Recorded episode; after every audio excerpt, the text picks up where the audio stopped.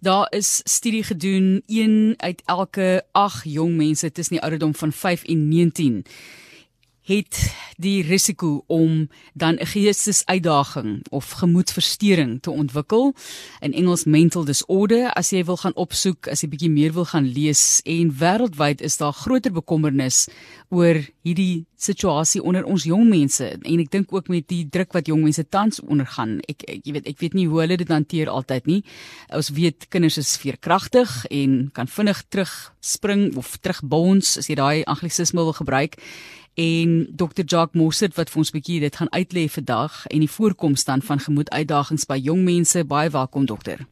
Baie dankie um, Martie en dankie ook aan jou luisteraars. Jy praat ook vanuit die perspektief van onderwys, onderwys en geestesgesondheid kenner en akademiese bestuurder van Abbots Colleges en hy het sy PhD in sielkunde van onderwys gedoen. So, kom ons begin net gou eers van daai perspektief af, vanuit die onderwysperspektief. Ek weet jy het nou jou PhD in sielkunde ook, so as jy die twee vir ons mooi bymekaar kan bring in terme van kinders op skool, waar, waar sien julle dit hoe sien hulle dit raak? Waar kom hulle vorendag byvoorbeeld met hierdie statistiek? So wat baie belangrik is is um, om te weet en enige persoon um, wat 'n tiener in die huis het, weet dat daar soms tekens van onttrekking en teneergedruktheid is. En vir meeste tieners is 'n kort periode van teneergedruktheid heeltemal normaal. Dit is wanneer hulle begin besluit hoe hulle voel oor dinge en dit is deel van die manier hoe hulle hulle identiteit vorm. Die probleem kom in wanneer 'n gemoedsprobleem en 'n diagnose van kliniese depressie gemaak word en 'n mens moet kyk na 'n probleem vir ehm um, teenoor 'n uh, disorder. Nou 'n probleem is nie net nog lankdurig nie, dit is iets wat um, met bietjie praatterapie, goeie verhoudings ehm um, uitgesorteer kan word tussen die onderwysers en die gesin of die die jong mens self. Maar disorder is wanneer ehm um, die depressie van so 'n aard raak dat die jong mens nie meer sy um dag tot dag take kan uitvoer nie omdat die kliniese depressie net eenvoudig te swaar is om om dit te dra.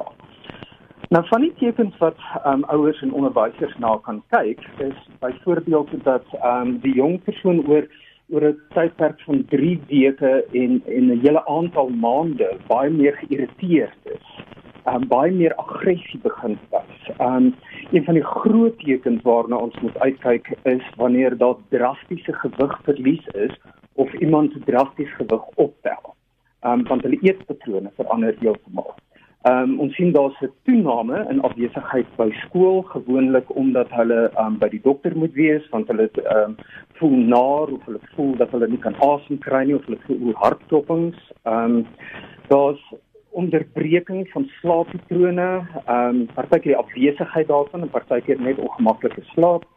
En die belangrikste um, teken waarna ouers veral moet uitkyk, is dat die jong mense belangstelling verloor um, in 'n sin vir bestaan. Daar's asof hulle nie meer toekomsgerig kan kyk nie. Wat het vroeër gesels nou oor kom ons kyk nou na tieners, hierdie tipe van ouderdomme wat jy op fokus ook en help net gou vinnig vir iemand by die huis. Jy weet, tieners is moeilik. Ek weet nie hoe jy was as 'n tiener nie. Ek wil dink ek was maklik, maar ek dink ons is almal maar bietjie moeilik in daai tyd en mense sal maklik sê ag wat jong, dit is maar tienerskap. Uh, so wat wat sal jy vir so 'n persoon sê? Is daar maniere om ek weet jy het klaar vir ons gesê bevrot gewigsverlies daai tipe van dinge maar of verandering in gewig. Is daar 'n manier om te onderskei tussen die gemoed van 'n tiener wat as natuurlik gesien kan word en dit van 'n van 'n kind wat dan 'n geestes gesondheidsprobleem het? Ja, en dit gaan um, in daardie definisie van wat is 'n disorder. Met ander woorde, hulle funksioneer nie meer normaal nie. Ehm um, die tiener wat omdraai en um, hulle oë ter hemele slaan want hulle wil nog langer in bed bly want dit is moeilik om wakker te word. Dis normale tienergedrag. 'n Tiener wat jy nie wakker gemaak kan kry of wanneer wakker gemaak is, weer aan die slaap raak en naweke deur slaap byvoorbeeld. Ehm um, dit is abnormale gedrag en dit is wanneer ouers moet begin bekommerd raak. Ons sien ook dat ehm um, partykeer uh die die afname in belangstelling in in items of ehm um, goed wat vir die tiener belangrik was. Ehm um, soos byvoorbeeld hulle begin ehm um, 'n speelding weggee of of briewe en goed wat hulle as belangrik beskou het, jy weet in daai storm en drang jare van 'n kerel of 'n meisie Um, ons sien dat wanneer hulle van sulke goed begin ontslaa raak of um, op Facebook byvoorbeeld wel nie dat 'n tiener dood op Facebook gevind sal word nie maar op Instagram um, sal hulle begin boodskappe skryf wat sê um, dit klink asof hulle begin groet dan moet ons werklik dadelik begin aandag gee aan daardie jong mense. Ek kyk nou na die statistiek wat jy ook oor praat Dr Mostert en 24% van tieners tussen die ouderdom van 11 en 19 ly dan onder depressie met die rede dat die tuisomgewing waarin hulle is vir hulle negatief is. Byvoorbeeld dan praat jy verder van aanlyn boelie kinders wat alleen voel. Ons het nou die dag gesels oor die LGBTQ. Ek ek in Engels kan ek dit sê, want dit is nogal 'n lang plus 'n 'n lang lys daarso wat by ingesluit word daarbey 92% wat ly aan depressie. So ons het eh, spesifiek daaroor gesels uh, op 'n stadium, maar oor grootte meerderheid mense nie of jy weet volwassenes ingesluit daarbey. So kom ons gesels oor oorsake asseblief. Ja, so ehm um, een van die groot oorsake wat ons nou tydens die huidige pandemie beleef is dat daar 'n sin van isolasie wat plaasvind. So is die jong mense wat nie meer kan sport speel nie. Kan nie meer gaan rugby speel um, of sokker speel nie. Kan nie meer in die koor sing of deel van die drama klub wees nie. Daar's nie meer 'n wies wat plaasvind nie. En daardie was altyd die tipe aktiwiteite wat jong mense aan die gang gehou het en hulle gedryf het. En nou natuurlik is daar baie meer tyd wat hulle op um, aanlyn spandeer. Die tweede ding wat regtig bekommerd um, of kommerwekkend is, is dat daar 'n onderbreking van rotine. Daardie voorspelbaarheid wat die skooldag ingebring het. Dit beteken dat jy weet wat jou volgende les is en jy kan sin toe beweeg en jy kan 'n bietjie meer aandag spandeer om uit te vind wie jy is en hoe jy in die wêreld pas. Natuurlik is daar die finansiële druk wat tuis ehm um, aan die gang is. Ehm um, ons weet dat baie mense het hulle werk verloor. Ehm um, baie mense vind dit baie moeilik om op hierdie stadium ehm um, bo die broodlyn te bly en dan natuurlik neem tieners daardie druk ook aan. En partykeer voel hulle dat hulle ook 'n verantwoordelikheid het teenoor dit, maar daar is 'n gevoel van hulpeloosheid want daar's niks wat hulle kan doen nie. En dan een van die groot probleme wat daar is is jy weet daai daai reg van daai reg van gang, weet the right of passage soos wat die Engelsers sê. Ehm um, goed soos matriekafskeid wat gekanselleer is. Ehm um, die die vakansie ehm um, by die see nadat die eksamens verby is.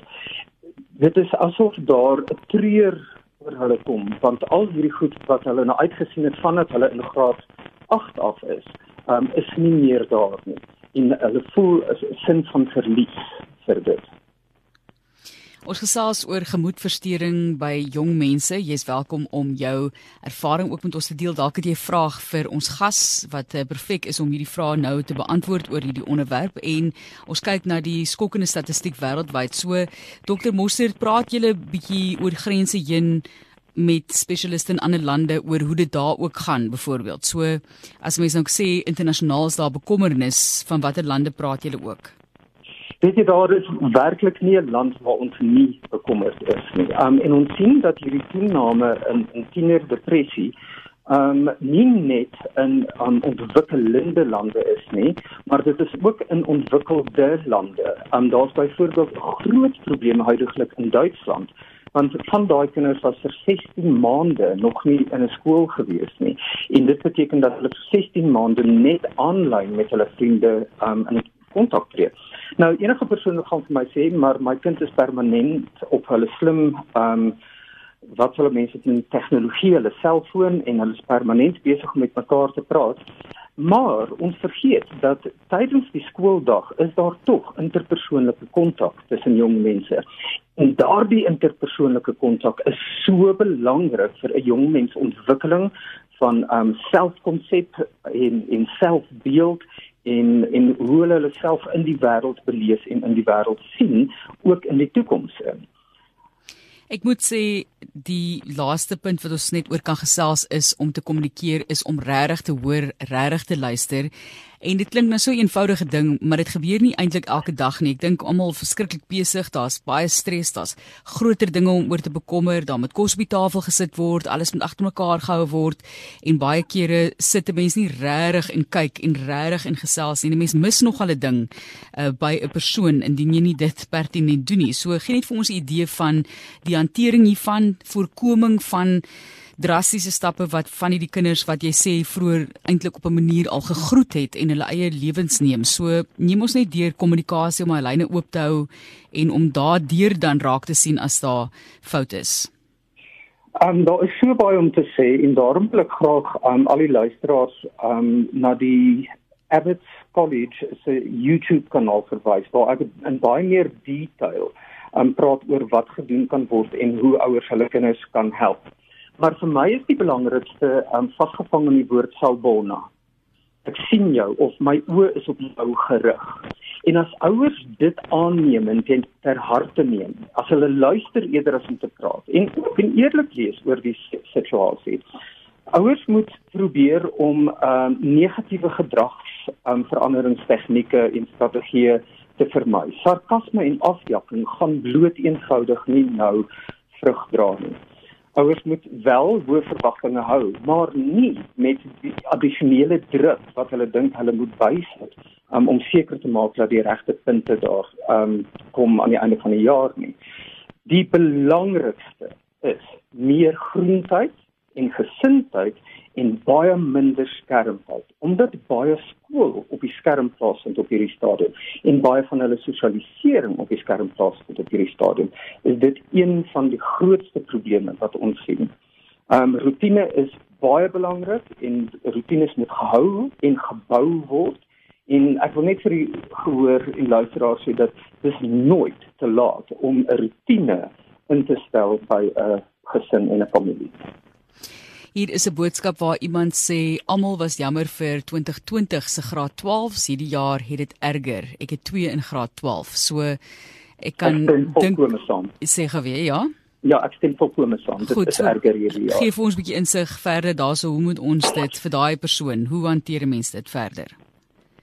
Um om 'n sin van toekomsgerigtheid te bou, dink ek is baie belangrik. Jong mense leef in die hier en die nou.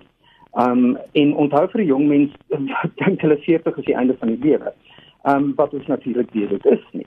So ons um het reeds uh die kapasiteit gebou om te besef dat hierdie 3 of 4 jaar probleem gaan wees. Dit is 'n baie korter probleem as van die groter probleme wat ons in die afgelope 100 jaar deurgemaak het en ons het beter aan die ander kant uitgekom. Daar is 'n sin van positiwiteit in die manier hoe ons as Suid-Afrikaners spesifiek ehm um, begin saam staan het, hoe ons gaan saamwerk het en hoe ons ehm um, tipe van 'n groter sprong vorentoe geneem het in terme van tegnologie wat lande soos Groot-Brittanje byvoorbeeld nie kon gedoen het nie. Ons het uitgewerk hoe om tegnologie te gebruik um wat nie noodwendig gerig was vir aanlyn skool nie, maar ons het dit so aangepas dat dit gerig geraak het vir aanlyn skool. En daarom wil ek tog hê dat ons as Suid-Afrikaners moet positief wees want die die sprong, die groot sprong wat ons vorentoe geneem het in die manier wat ons nou na die onderwys kyk, gaan in die volgende jare beslis afbetaal en dividende dra.